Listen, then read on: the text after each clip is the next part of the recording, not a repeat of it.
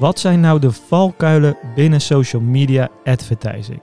Social media advertising kun je natuurlijk inzetten om leads te genereren, je merk te versterken of om kandidaten te werven.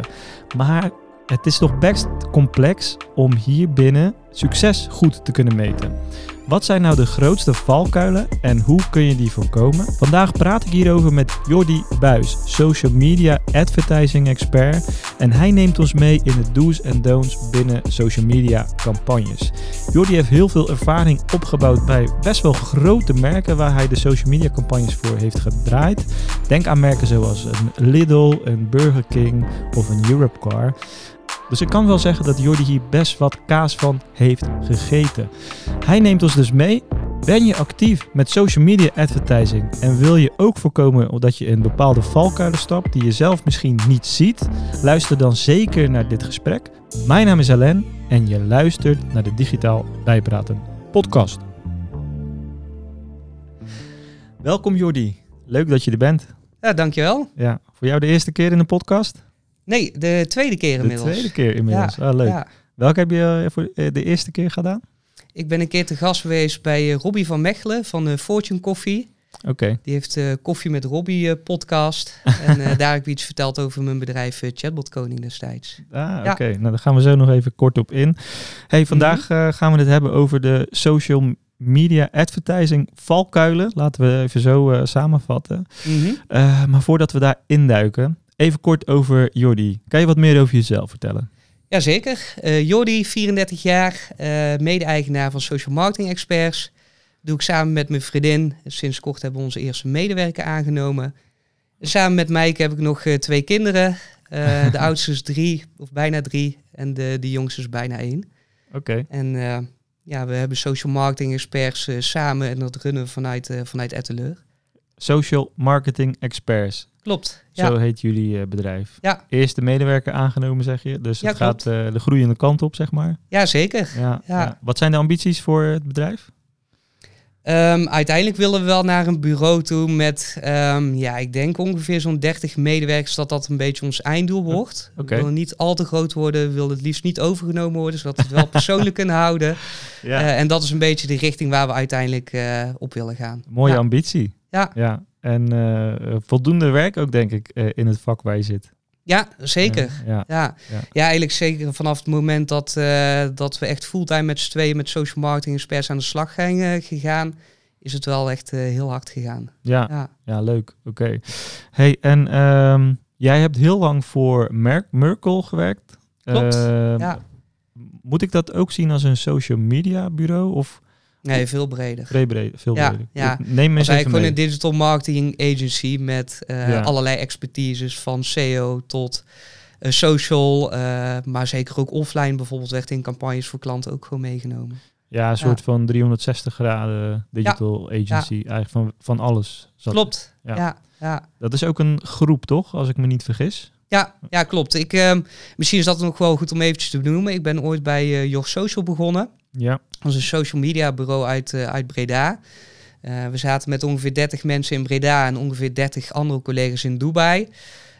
Toen heeft Oxima heeft uiteindelijk Your Social overgenomen. Ja. Dus werd het uiteindelijk een groep van verschillende bureaus. Dus dat waren vijf bureaus in totaal. Mm -hmm. En toen heeft uiteindelijk Merkel heeft in één keer de complete groep overgenomen. Dus dat overname op overname geweest. Ja, klopt. ja, ja. dus je bent eigenlijk van heel ja, klein en compact ben je naar uh, immens groot uh, heb je dat meegemaakt? Ja, ja, zeker. Want in principe zaten we dus in Breda met z'n dertig. Nou, in Dubai hadden we ook nog wel dertig collega's, maar die hadden vooral ook heel veel lokale projecten daar. Ja. Um, dan kom je in één keer onder een groep te werken waar je ongeveer met 300 mensen zit. En ja, uiteindelijk Merkel had destijds bij de overname, ik geloof, iets van 6.500 medewerkers wereldwijd. Zo. Dus dat is wel een heel ander kaliber dan inderdaad. Ja. ja. en allemaal gefocust op digital? Ja. Ja. ja. ja. ja. Uh, en, en je hebt dus voor hele grote uh, ja, klanten gewerkt, mag ik wel zeggen, volgens mij. Hè? Ja, zeker. Ja. Wat, een paar voorbeelden waar jij social uh, strategieën of advertising voor gedaan hebt? Um, ja, Interpolis heb ik veel campagnes voor gedaan, onder andere. Ja. Um, Europcar heb ik voor gewerkt, Burger King, Rabobank, Um, ja. Lidl, Lidl hebben al een hele toffe campagne voor gedaan ook een keer. Ja, Ehm, dus Ja. ja. best wel een hele bekende naam inderdaad. ja, dus het zijn wat, eh, ja, het zijn best grote campagnes, denk ik. Zeker. Ja, Ja, ja. ja. Dan werk je dan met verschillende expertises ook aan.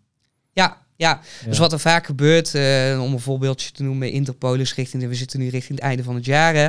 Mhm. Dan krijg je natuurlijk weer de zorgverzekering die aandacht nodig heeft. Ja. Dan komt er vanuit de klant gewoon een briefing om die campagne op te tuigen. Eh, wij deden dan echt puur het social stukje. Maar ja, je kunt je voorstellen, zo'n campagne wordt natuurlijk breed ingezet met eh, bijvoorbeeld tv-commercials. Offline wordt er het een en ander gedaan. Ja, Ja, en die partijen worden dan gewoon bij elkaar gebracht om zo'n campagne tot een succes te maken. ja, Ja. ja, precies. Ja. En toch besloot jij eh, om vanuit daar te kijken naar, eh, ik wil iets voor mezelf doen. Dus dat- was het ondernemerschap toch een beetje wat kriebelde dan ergens bij jou? Ja, ja. Hoe is dat ontstaan? Ehm, nou, ik denk eigenlijk helemaal in het begin, want ik ben mijn eerste werkgever, eh Your Business Online, een social media bureau uit, eh uit Etteleur ook destijds. Mhm. is gestart door twee vrienden van mij. Daar ben ik toen uiteindelijk, nadat ik ben gaan backpacken, na mijn opleiding, ben ik daar gaan werken. Ja, En ja, daar werd eigenlijk- gewoon behandeld alsof dat ik eh, ook een mede-eigenaar was. Dus ik eh, werd super vrijgelaten in wat ik, eh, wat ik kon doen. Ik mocht overal in meekijken. En daar kwam dat ondernemende zeg maar wel een beetje naar boven. Ik vond het heel interessant om te doen. ja, Dus dat heeft er altijd wel een beetje ingezeten, maar uiteindelijk toch gekozen van ja, ik heb toch liever een vaste baan. En ondernemen betekent ook gewoon 80 uur in de week werken. Daar had ik destijds niet zo heel veel zin in. En eh, ik had zoiets van ja, ik, eh, ik blijf gewoon eh, lekker als, als medewerker aan de slag. En vanuit daar bijvoorbeeld doorgroeien naar een managementfunctie. Dat was zeg maar destijds mijn idee. ja, Ehm, ja, dan op een gegeven moment merk je toch wel na best wel een aantal jaren dat het toch wel weer een beetje begint te kriebelen. ja, Eh, nou, toen hadden we destijds die overname, kom je in één keer in een heel groot bedrijf te werken. Ja, dan kun je dat ondernemerschap een stuk minder goed kwijt. Eh, heel veel is vastgelegd, heel veel is bepaald. Je bent minder vrij, zeg maar, om eh, Ja. zelf initiatief op te tuigen. Of die, dat duurt dan wat langer dan wanneer je direct tegen de eigenaar kan zeggen... Ik, ik heb een tof idee, ik wil ermee aan de slag. En die zegt gewoon gelijk, ja, dat is goed. Of nee, dat gaan we niet doen. Ja, veel meer processen eigenlijk, dan kan ik me voorstellen in zo'n grote Ja, organisatie. Ja, Moet ook wel, want ja, zij moeten natuurlijk ook grip houden op eh, de voortgang van dingen. ja, en zijn veel meer stakeholders, dus je moet veel meer overleggen voordat je zaken voor elkaar krijgt. Ja, maar dat is misschien ook aan de klantzijde zo, kan ik me voorstellen. Dat besluitvorming wat langer duurt. En, want de grote klanten betekent ook veel stakeholders, toch? Ja. Ja, Ja, zeker. Ja. zeker. Ja. Dus op een gegeven moment eh, had ik zoiets, ja, het wordt tijd om iets anders te gaan doen. En eh, ja. toen uiteindelijk besloten voor mezelf te starten. En toen begon je bij eh, het idee chatbot koning, geloof ik. Klopt, Ja. klopt, ja. Ehm, ik was met een vriend van mij op vakantie in eh, Shanghai. Toen zijn we naar de Formule 1 gaan kijken. En in Shanghai viel mij heel erg op hoeveel dat daar geautomatiseerd is. Ja, Vond ik best wel interessant. Dus toen ik terug was van vakantie, ging ik wat dingen over opzoeken.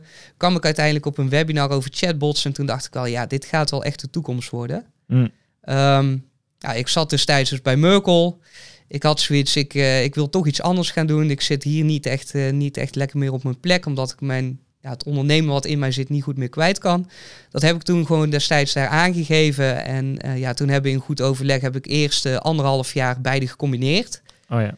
Dus ik was drie dagen in de, in de week werkzaam voor Merkel. En twee dagen in de week was ik bezig om een bedrijf op te zetten. Ja, Toen merkte ik op een gegeven moment wel, ehm, ik had voor mezelf al uitgedacht van oké, welke doelgroep wil ik met, eh, met chatbots gaan benaderen.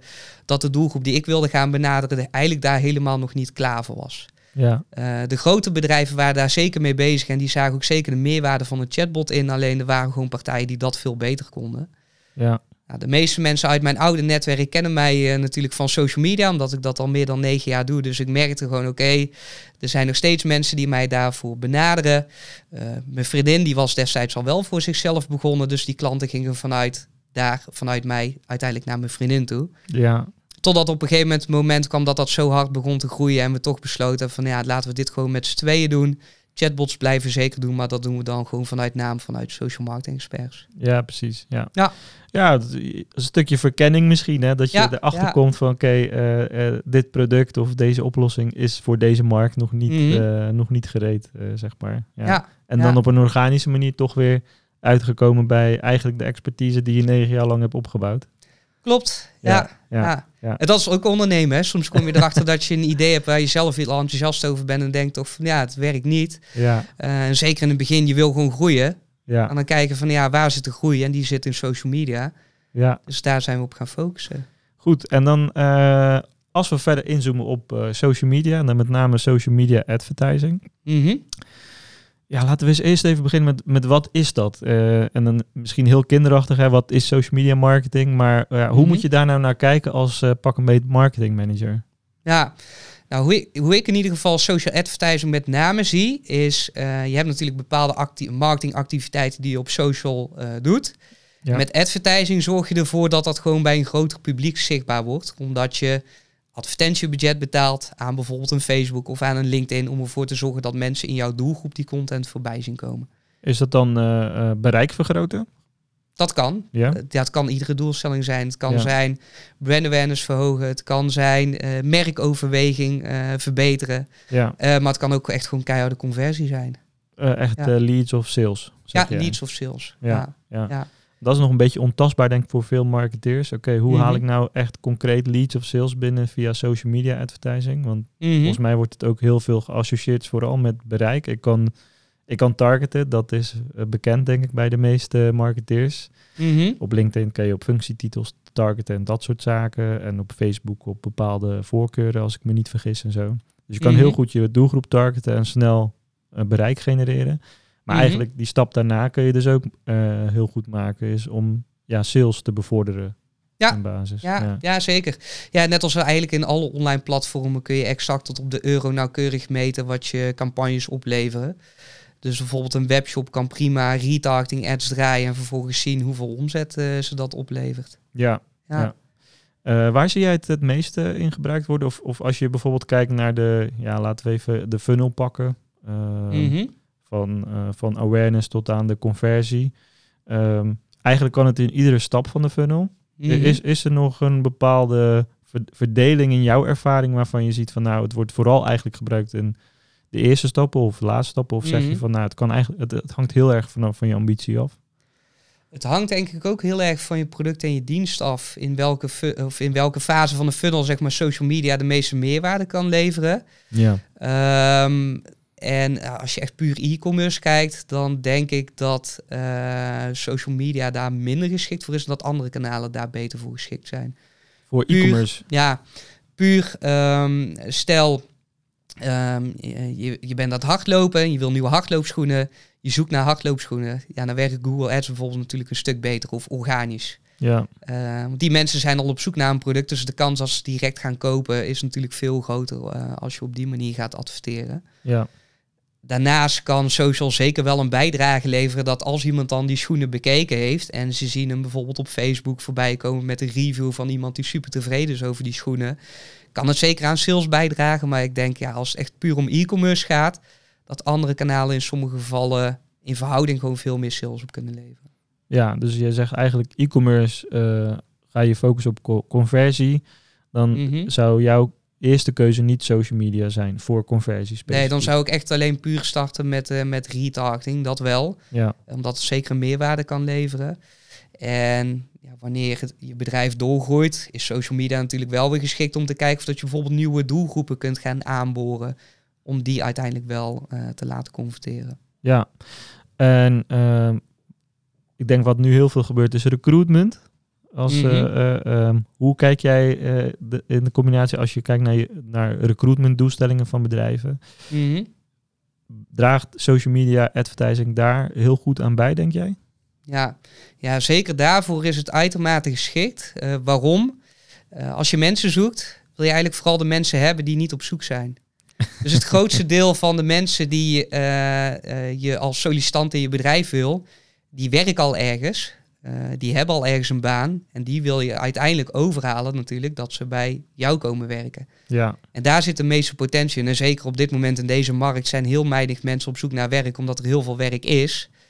Uh, Ja. Dus je wil juist kijken van hoe kan ik de talenten die nu heel goed zijn bijvoorbeeld, en die al ergens werken, hoe kan ik ervoor zorgen dat ik die zelf kan aantrekken? Ja, en daar is social media natuurlijk weer heel goed geschikt voor.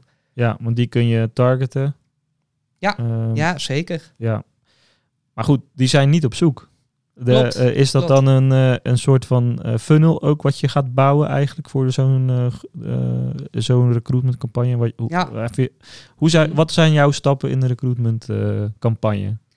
Ja, in de eerste instantie natuurlijk als je wil zorgen dat iemand bij je komt werken, moet je eerst je bedrijf kennen. Dus ze moeten weten wat voor bedrijf je bent, wat je doet. Ja, En wat je dan eigenlijk gaat doen is dat je ook weer stapje voor stapje dan vervolgens mensen gaat overtuigen van het feit dat ze bij jou moeten komen werken. Dus je moet die eerst kennen. Dan wil je ze gaan overtuigen waarom dat ze voor jou als bedrijf zouden moeten kiezen. ja, En dan wil je er uiteindelijk voor zorgen dat ze ja, concreet overgaan tot een, eh, ja, wellicht een vrijblijvend gesprek of echt een concrete sollicitatie.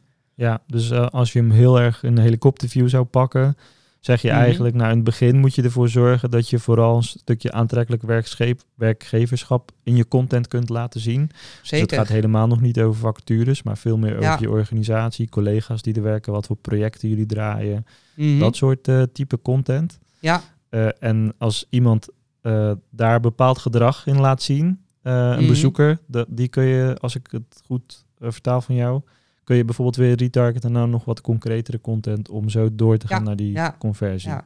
ja, dus je bouwt dan echt een recruitment funnel inderdaad. En Ja, Ja, wat ik wel eh, vaak, eh, en dan komen we al bij een van de valkuilen, wat ik vaak zie gebeuren, zeker als het gaat om recruitment. Dan heeft een bedrijf die heeft bijvoorbeeld een vacature of een aantal vacatures. En dan gaat het van, ja oké, kunnen we die vacature ook adverteren? En dan staat er letterlijk alleen een vacature met ehm, eh, hoeveel urige werkweek, eh, dat ze een marktconform salaris hebben. Heel praktisch. ja, Maar waar je juist de slag in wil maken is, waarom zouden mensen voor jou als bedrijf moeten kiezen? Wat heb jij voor meerwaarde als werkgever? ja, Dat vergeten heel veel bedrijven, waardoor ja, ze uiteindelijk gewoon hele standaard vacatures gaan adverteren, waar de mensen die al ergens naar hun zin zitten of die al een baan hebben, niet direct op aanslaan. Ja. Dus eh, je moet, eh, da- jij daagt dan ook de opdrachtgever uit in dat geval van, hey, wat is nou jouw eh, onderscheidend vermogen als werkgever, even zo gezegd? Ja, ja En hoe kunnen we dat gaan vertalen in content? zeker. Ja, En Ja. is dat altijd vacature content of juist zijn het bijvoorbeeld ook andere type content die je dan ziet? Nee, dat, dat is vaak vooral waar het dan mee zou starten. In veel gevallen, dat zou je dan employer branding kunnen noemen. Dus echt, eh, ja, wie ben je als bedrijf? Waar sta je voor? En Ja. kan jouw potentiële kandidaat zich daarin vinden? Ja, Eh, ja, en da- dan wil je natuurlijk bijvoorbeeld ook die potentiële kandidaat een kijkje in de keuken geven. Laten zien voor wat voor klanten je werkt. eh, wat voor toffe dingen je allemaal doet. En ja, uiteindelijk hoop je dan natuurlijk dat er mensen tussen zitten die denken van... Ik zit nu op zich wel naar mijn zin. Maar dit lijkt me wel echt heel erg tof om voor dit bedrijf te mogen werken. ja, En de laatste stap is dan vervolgens die vacature te laten zien. ja, precies. Dus Ja. ehm, je bent eigenlijk vooral bezig met, is er genoeg, even tussen aanhalingstekens, employer branding content? Mhm. Waarin ook concreet wordt laten dat het bedrijf concreet laat zien hoe het is om bij hun te werken. Ja, ja. Eh, dat is eigenlijk stap 1, ook in je advertising. Dus wat je Ja. gaat adverteren is meer dat soort type content. Ja. En eh, op basis daarvan, als je ziet dat mensen blijven hangen, dan stop je ze eigenlijk naar de volgende Ja. fase. Ja. En dat is misschien iets concreter. hey, we hebben deze x aantal vacatures, bekijk ze eens. Ja, En ja. als je dan weer ziet van, hey, ik bekijk een aantal van die vacatures. hey, wil je eens een keer solliciteren, is dan bijvoorbeeld een derde advertentie. Ja, En Ja. op die manier eh, leid, leid je eigenlijk zo'n gebruiker richting het einde. klopt. Ja. Maar dat is best een volumespel ook, denk ik dan, toch? Ja, zeker. En eh, als het gaat echt puur om eh, recruitment. Op heel veel platformen heb je best wel wat beperkingen. Ja, Je mag bijvoorbeeld niet op leeftijd targeten. eh, ook qua interesse targeting ben je vaak beperkt. Ehm, ja, waardoor je echt moet gaan uitzoeken van welke mensen spreekt, ja, spreken onze vacatures toch aan. En dat je die stapje voor stapje meeneemt in, de, ja, in die recruitment funnel zou je het kunnen noemen in dit geval. ja, ja. Ja. interessant. Oké. Ehm, en eigenlijk werkt het dan bij sales en conversie ook zo, zo, zo- Ja, vergelijkbaar, denk ik. Ja. ja, dat werkt op precies dezelfde manier. Je wil eerst bekendheid creëren, dan wil je dat eh, mensen gaat overtuigen van jouw product of dienst en dan wil je uiteindelijk dat ze gaan converteren. Ja, Ja, en ook per fase zoek je daar natuurlijk weer de, de juiste content bij. ja. Ja, en dat is afhankelijk van je product, dienst, eh, markt, dat soort zaken, denk Ja, ik. ja. het voordeel wat je in zo'n funnel wel hebt, eh, als het gaat om recruitment ben je dus beperkt, zei ik net al. Dus bijvoorbeeld qua leeftijd, et cetera, of qua het inzetten van data. Als het echt gaat om bijvoorbeeld conversie, Ehm, ja, dan kun je natuurlijk wel heel veel data gebruiken. Dus je kunt iemand die bijvoorbeeld al op jouw website is geweest, die komt direct al in de conversiefase terecht. Want die kent jouw bedrijf, want die is op je website geweest. Die kent je product, want die heeft je website al bekeken. Dus die laat je dan enkel natuurlijk content zien uit de laatste fase van de campagne om ze net dat extra zetje te geven. Ja, ja, volgens mij uh, uh, kun je bijvoorbeeld de combinatie uh, in, de, in de B2B bijvoorbeeld, lead info daar heel goed voor gebruiken ook. Mm -hmm. in combinatie met LinkedIn, even als voorbeeld. Hè? Want ja. tenminste, dat is wat ik vaak zie, is op, op lead info kun je dus zien welke bedrijven je op, op je website komen mm -hmm. en, en wat ze daar doen. Mm -hmm. En lead info heeft als uh, je hebt daar ongetwijfeld wat meer ervaring in, maar die heeft een koppeling met uh, LinkedIn, of die kun je leggen. Mhm. Waardoor je kunt zeggen, nou, uh, ik ga deze bedrijven ga ik retargeten. Komt het dan een beetje op neer? Ja, Toch? Ja. Of, gaat, of doe je dat eigenlijk buiten, is lead info daar niet eens voor nodig? Nou, lead info gebruik ik daar zelf niet voor, want je kan gewoon de LinkedIn Insight tag of de Facebook pixel gebruiken. Ja, Om dus te trekken van welke personen zijn er op mijn website geweest en wil ik dus vervolgens deze content laten zien. Ja, dus je Eh. doet het echt op de persoon eigenlijk, meer dan... Klopt, Ja. klopt. Ja, en op gedrag. Dus je zei net al van, hé, je kunt in lead info kun je dus bijvoorbeeld zien wat voor soort pagina's iemand bekeken heeft. Dat kun je ook door middel van een pixel kun je meenemen. Want je kunt bijvoorbeeld kijken van, oké, wat voor soort pagina's heeft deze persoon bekeken en wat voor soort content wil ik diegene dan laten zien. Laten zien. Ja, en dat doe je dan met een bepaalde advertentie. Klopt. Ja, Ja, ja. ja. Ehm, eh, een van de, de dingen die, eh, die ik altijd heb is... eh, het, is het is toch best relatief duur. Dat is misschien hoe je ernaar kijkt, maar... eh, Mhm. Kijk bijvoorbeeld specifiek naar LinkedIn, eh, dan heb ik heel snel het gevoel, oeh, je moet best veel per klik of per, eh, volgens mij gaat het, CPM is per duizend views, als ik me niet Ja, vergis. klopt. Ja, Eh, of per klik betalen. Mhm. En omgerekend gaat loopt dat heel snel op, als het ware. Dus dan moet Ja. je eigenlijk best goed weten, wat gaat het me dan opleveren en hoe ga ik dat dan inrichten? ja. En dan zeker. komen we misschien ook gelijk op de valkuilen daarin eh, Mhm. terecht. Want dan zit het een beetje die kostenbatenhoek van... ehm, ja, wat zijn dan de grootste valkuilen die jij eh, zi- ziet eh, wanneer iemand start met dat soort campagnes? Ja, ik denk dat de grootste eh valkuil wel zijn paniekreacties. Paniekreacties. Ja, Oké. dus er wordt een briefing gedaan voor een campagne. Mhm. Als het goed is, wordt er dan ook een debrief gemaakt. Ja. Om te laten zien dat je begrijpt wat de doelstelling van de campagne is. Dan bedenk je samen met de klant natuurlijk een campagnestrategie. Dan ga je die campagne opzetten. En ehm, ja, dan bijvoorbeeld een week later of twee weken later heb je een keer een review momentje om te kijken hoe de campagne draait. Ehm, en dan ga je stapje voor stapje telkens aan één knopje draaien om de resultaten te verbeteren. Ja, Wat ik heel vaak zie, terugkom, eh, zie terugkomen bij bedrijven die dan bijvoorbeeld zelf campagnes draaien. Is dat ze zien van nou, ik heb een campagne opgezet en na twee dagen eh, vallen de resultaten tegen. Vervolgens gaan ze de content, de doelgroep aanpassen, misschien wel de campagne doelstelling. Dus er wordt heel veel heel snel aangepast. Terwijl dat de meeste algoritmes, eh, zeker als het gaat om LinkedIn en eh, Facebook, die zijn erop gebouwd dat ze gewoon veel data nodig hebben. Dus je moet het algoritme even de tijd geven om te kijken wat werkt. Het algoritme gaat ook zelf zaken testen. ja, En vervolgens ga je echt stapje voor stapje telkens aan een knopje draaien. Dus bijvoorbeeld een andere tekst, een andere eh, video of een andere foto. Dan een keer een andere doelgroep. Maar je maakt je campagne telkens zeg maar een stapje beter. En niet meerdere dingen tegelijk doen. ja. Dus eh jij omschrijft het als paniekvoetbal. Ehm, Ja, zo zou je het kunnen zeggen. ja, Hey, eh, het levert niet op wat ik zou willen, Mhm. maar we zijn vijf dagen onderweg, dus ik pas van alles aan. Eigenlijk begin je dan weer opnieuw, soort van. Ja, ja, Ja. ja. Ik denk dat het ook een beetje ontstaan is. Eh, ja, zelf zul je ook denk ik wel regelmatig advertenties voorbij zien komen op eh, zowel LinkedIn als op Facebook van andere bureaus of eh, eh, advertising gurus die dan beweren een soort van gouden formule te hebben waarbij ze met eh, een heel beperkt budget hele enorm goede resultaten hebben behaald. Ja, Maar er is gewoon niet echt een gouden formule. En het is gewoon heel veel testen, heel veel proberen en stapje voor stapje verbeteren. ja, Je, het gebeurt zeker dat je wel eens een keer een lucky shot hebt. Dat je een campagnestrategie bedacht hebt en een week later stromen de leads binnen. Of eh, ja, zie je echt gewoon eh, de, eh, heel veel omzet binnenkomen. Maar over het algemeen is het echt wel meer lange termijn. stapje voor stapje je doelgroep leren kennen. ja, Leren wat voor soort content goed werkt. Welke doelstelling voor jouw doelgroep het beste werkt. ja. En daar gewoon telkens beter in worden. Ja, maar is dan de, de misvatting niet dat je eh, eh, social media advertising eh, ook voor de wat langere termijn moet insteken? Ehm, Mhm. in, in plaats van dat je kijkt van oké, hoe kan ik bepaalde exposure krijgen? Want wij, wat wij bijvoorbeeld heel vaak doen is eh, hele korte promoties via LinkedIn. Hè, dus we hebben, een, Mhm. we hebben een event of zo, ik noem maar even iets. Nou, dan posten we dat er een event aankomt. Met een foto Mhm. en alles. En dan promoten wij die post. Maar dat, ja, dat is niet echt een campagne, zeg maar. Maar, ehm, en eh, ik kan me voorstellen dat die onrust juist ontstaat als je eh, begint met een advertentie. Dat je eigenlijk niet echt een campagnestrategie hebt. En dat je, dat je die langere termijn doel eh, niet kunt waarborgen ook. Mhm. Zie, is, is dat, heb ik dat een beetje aan het rechte eind, denk je? Ja, dus dat het ja. veel te korte termijn gedreven is eh, door mensen? Ja, soms wel. Ik denk vooral de verwachting. Dus eh, Ja. ja. ja, bedrijven verwachten soms dat social media een soort van gouden ei is van... Oh, we hebben al van alles geprobeerd. Nou, laten we dan ook maar op social media gaan adverteren. Want daar horen we altijd zulke goede verhalen over. En dan gaat het vast wel werken. Oh ja, ja. Ja, dat is gewoon niet altijd zo. ja. Nee. Maar dan eh, kun je beter... Dus eh, ehm, nou, laat ik even een stapje terug doen. Mhm.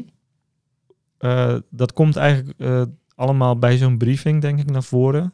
Eh, Mhm. Welke componenten moet zo'n briefing hebben, denk jij?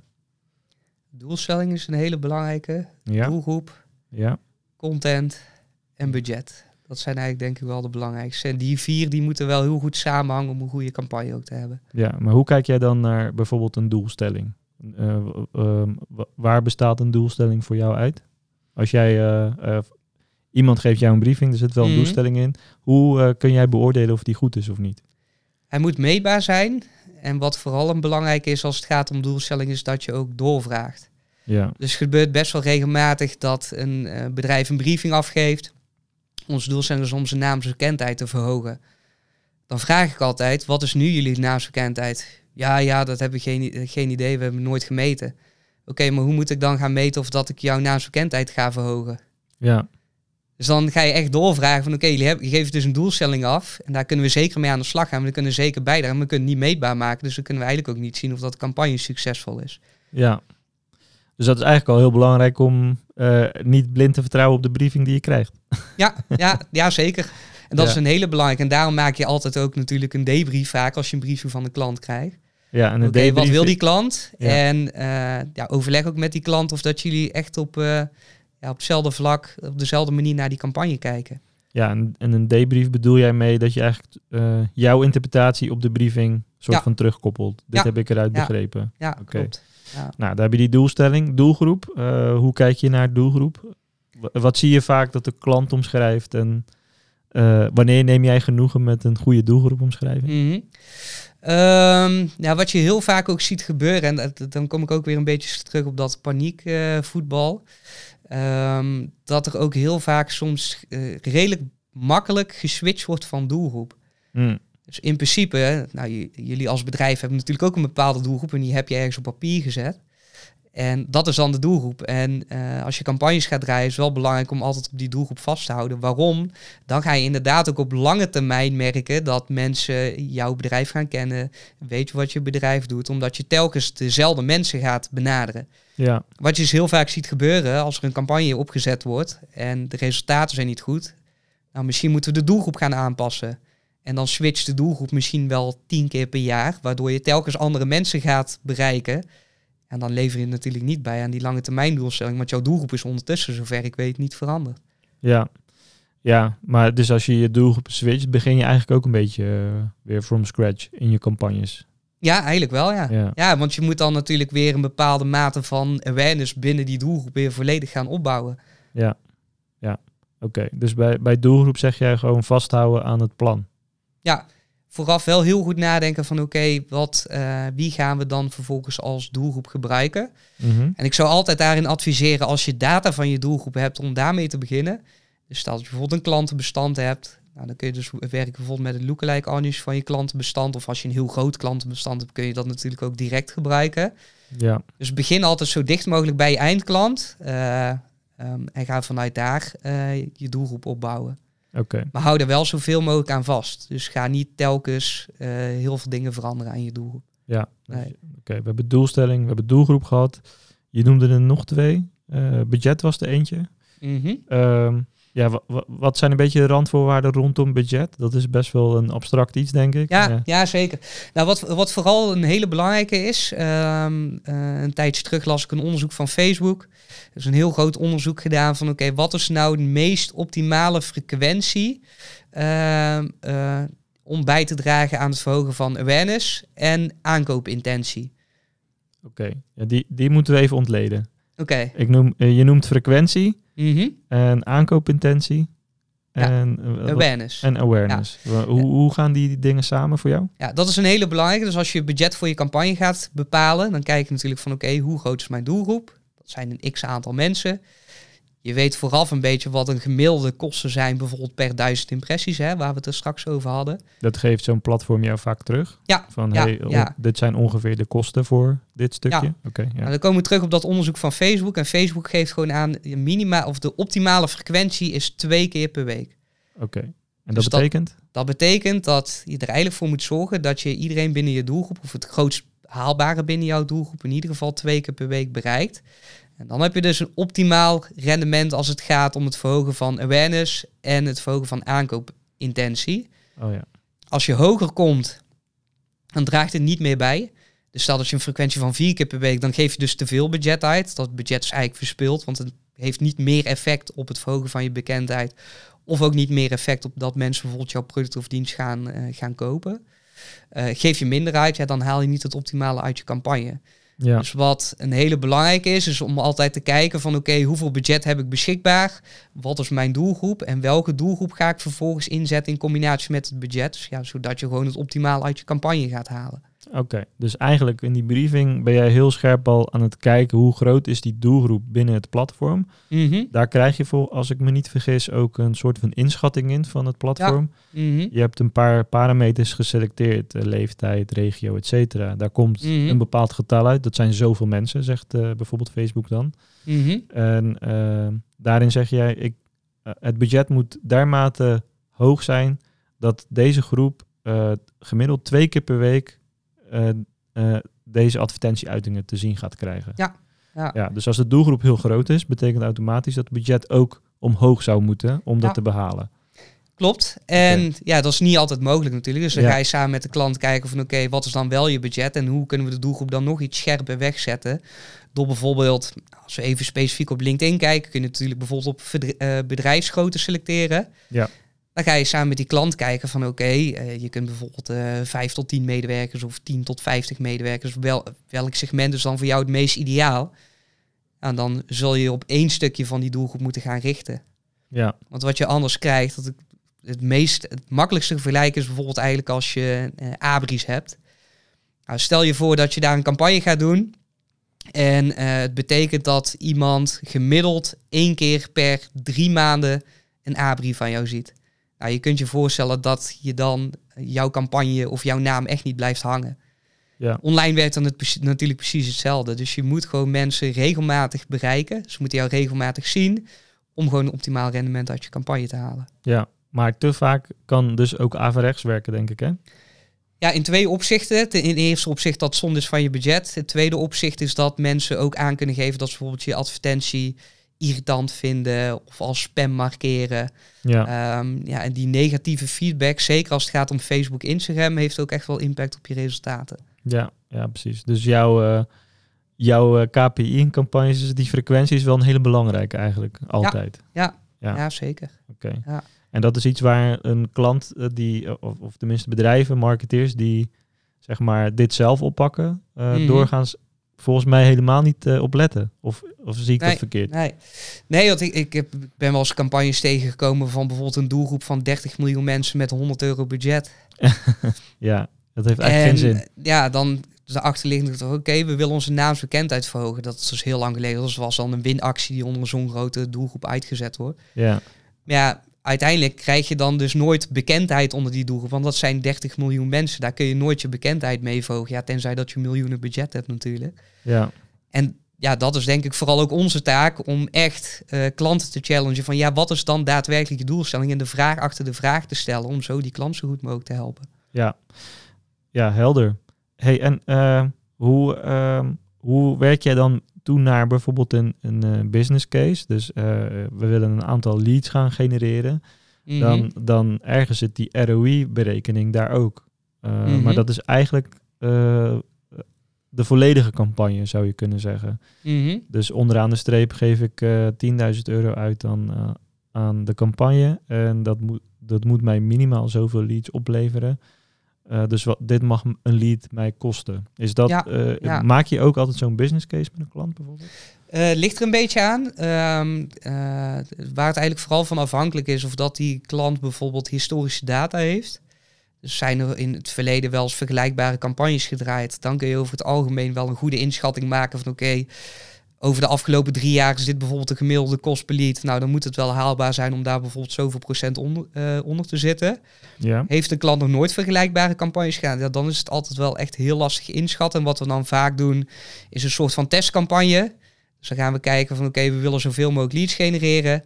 Nou, wat realiseren we binnen een maand? Ja. Wat is dan de gemiddelde kost per lead? En op basis daarvan maken we dan een inschatting wat haalbaar is. Want je hebt gewoon ja, data nodig om die inschatting te kunnen maken. Omdat het zo, het is van zoveel factoren afhankelijk. Ja. Uh, dat je het op voorhand niet echt kan inschatten.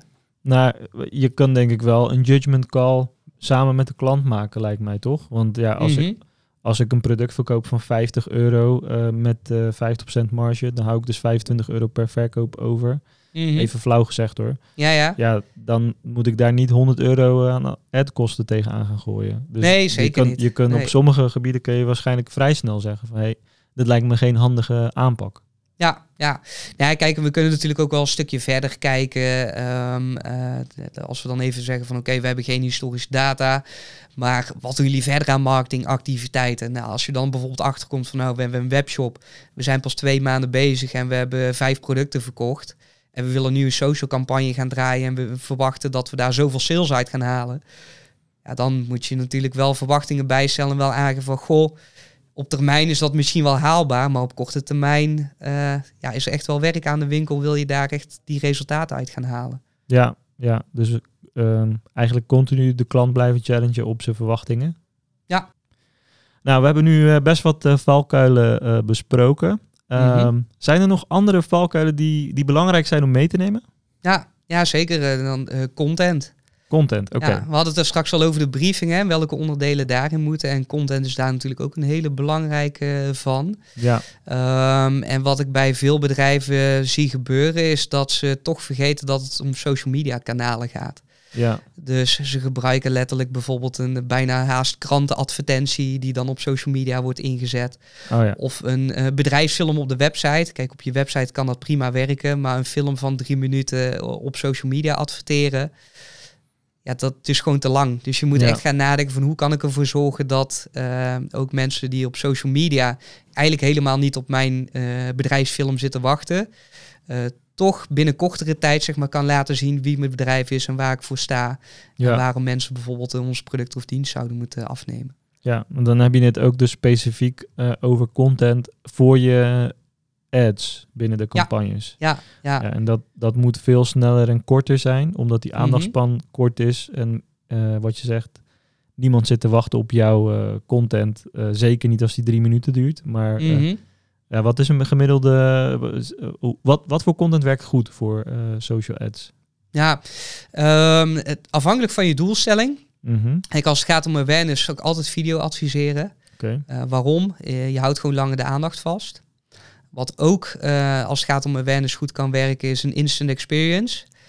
Dat is een eh, advertentievorm waarbij iemand je advertentie openklikt en een soort van mini-website landings slash landingspagina binnen, eh, nou op dit geval is dat Facebook en Instagram opent. Mhm, Waarom is dat goed voor awareness? Omdat mensen lang binnen zo'n advertentie blijven hangen. Dus ja, je kunt je voorstellen als mensen 20 seconden in jouw advertentie aan het scrollen zijn, eh, waar jouw naam in staat, dan blijf je beter hangen dan wanneer mensen alleen maar een afbeelding bijvoorbeeld voorbij zien komen. ja. Dus even voor, eh, voor de referentiekader. 20 seconden bezig zijn met jouw advertentieuiting is extreem lang voor social media. Mag ik dat zo zeggen? Eh, ja, dat zou je wel kunnen zeggen, ja. Ja. En als we kijken naar videocontent, ja, zou ik adviseren altijd wel eigenlijk maximaal 30 seconden. Maximaal 30 seconden voor Ja. je videocontent rondom social ads. Ja. Dus Ja. als ik, eh, eh, je zegt het veelgemaakte fout is dus dat ze zeggen, hey, we hebben nog wat content liggen, Mhm. gebruik dit maar. Ja, ja, En, en dat is eh, zeker de rol natuurlijk ook van social media bureaus. Dus we gaan een campagne draaien. Je hebt bepaalde content natuurlijk die op verschillende kanalen uitzet. En eh, ja, die content moet natuurlijk ook gewoon klaargemaakt worden om op social media ook te kunnen inzetten.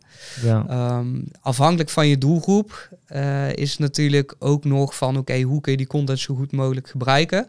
Eh, als we dan bijvoorbeeld even specifiek naar eh, nou, bijvoorbeeld een TikTok kijken of Instagram stories, moet het nog sneller, heel veel beweging. Want zeker die jongere doelgroep is gewoon heel snel afgehaakt. Dus die willen gewoon binnen een paar seconden zien waar het over gaat, of dat ze het wel of niet interessant vinden.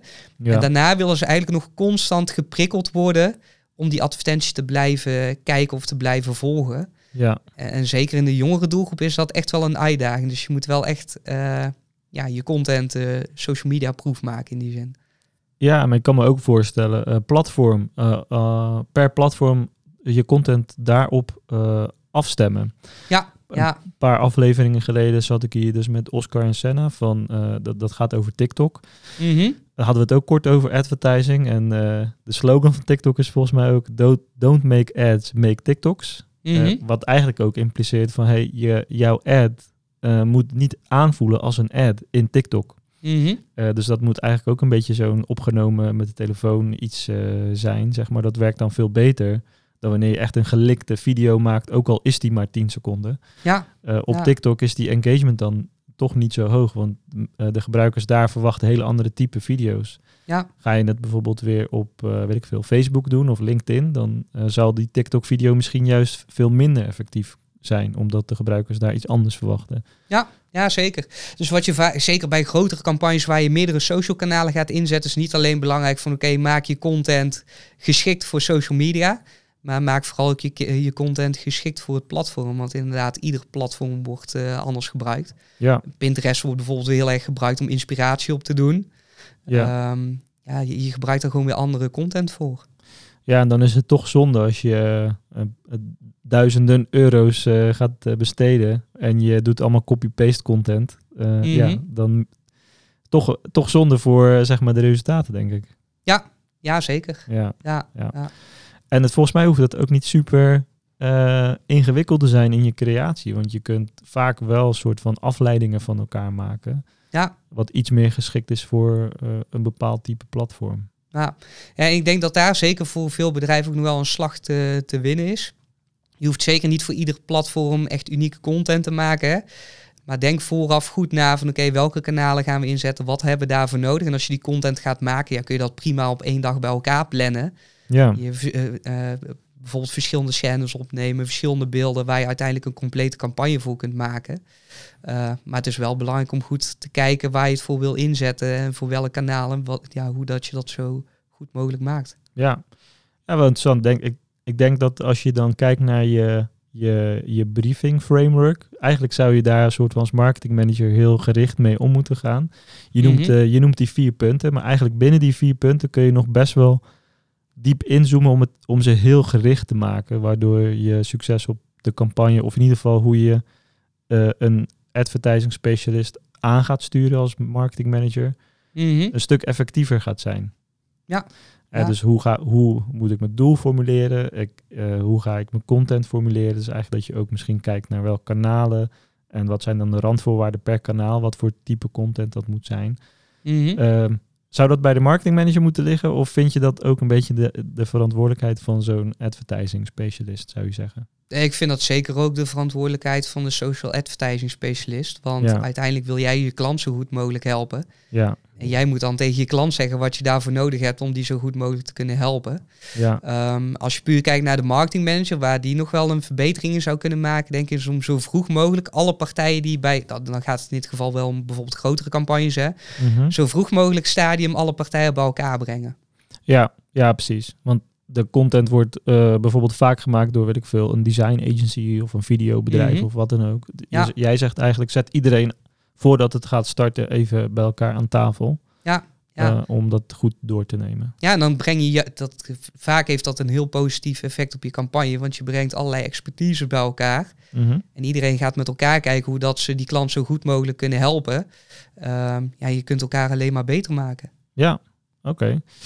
Ehm, en, en dan de, misschien even om af te sluiten. Stel, eh, wat kan zo'n marketingmanager nou die bezig is met social media advertising? Welke zaken zou die morgen op kunnen gaan letten om het te gaan verbeteren? Even hoog over. Ehm, dan denk ik dat de beste verbetering die ze kunnen maken echt gaan nadenken over wat social advertising op lange termijn in de complete marketingmiddelenmix, waar dat aan moet gaan bijdragen. Ja, Dus echt gewoon helder krijgen, waarvoor wil ik het inzetten, wat moet het me uiteindelijk gaan opleveren. Ja, en dan eh, kun je natuurlijk kijken of dat je intern die expertise beschikbaar hebt om daar iemand op te zetten, om daar een plan voor te maken of eventueel natuurlijk met een bureau samenwerken. ja.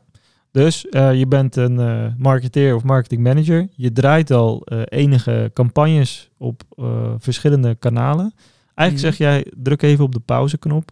Mhm. even een stap terugnemen en kijk überhaupt wat je doet en welke rol dan social media ad- advertising in dat geheel eh, inneemt. Ja, ja. Ja. Daar, wordt het uiteindelijk, daar worden de resultaten van je campagnes op lange termijn echt alleen maar eh, beter van. En zeker denk als je daar goed naar gaat kijken, zullen er echt wel een aantal dingen naar boven komen waar je van denkt van, oh, daar ben ik nu eigenlijk helemaal niet mee bezig. Ja, Eh, als we dan echt specifiek bijvoorbeeld inzoomen op de iOS 14 eh, update, ja, eh, dus eh, minder goed meetbaar eh, maken van campagnes, ja, heeft het gewoon heel veel meerwaarde om nu alvast na te denken hoe kunnen wij meer eigen data gaan verzamelen. Dus bijvoorbeeld e-mailadressen van klanten of potentiële klanten die je in je campagnes kunt gaan gebruiken. En daar kun je natuurlijk een strategie op loslaten, zodat je, wanneer het straks ook bijvoorbeeld Google met, met die update gaat komen, dat je gewoon je concurrenten een stap voor bent. Want je hebt die data al, ja. waardoor je gewoon veel betere campagnes kunt gaan draaien. Ja, dat is dus ook wel interessant. Is eigenlijk eh voorsorteren op iets meer grip op je eigen data. Ja, Ja, dat is en- een hele belangrijke. Ja, Ja. wordt denk ik eh, vaak vergeten, lijkt mij. Ja, ja, urgentie wordt gewoon niet gezien. Hè? Van, nou, dat Ja. komt nog wel of Ja. dat zien we dan wel. Maar ja, het is heel simpel. Als je op het moment dat het wordt doorgevoerd moet gaan beginnen om bijvoorbeeld een maillijst eh, op te gaan bouwen. Dan ben je al te laat. Ja, dat heeft echt wel even tijd nodig. Ja, Ja. oké. Helder. Hey, ehm, volgens mij zijn we er zo doorheen. In ieder geval door Mhm. de vragen die ik, eh, die ik had. Ehm, ik wil jou bedanken voor je komst en voor het gesprek, eh Jordi. ja, jij ook heel erg bedankt. Vond het heel leuk om hier te zijn. Ja, nou, misschien tot de volgende keer. Yes, tot de volgende. Jo, doei. doei. Doei.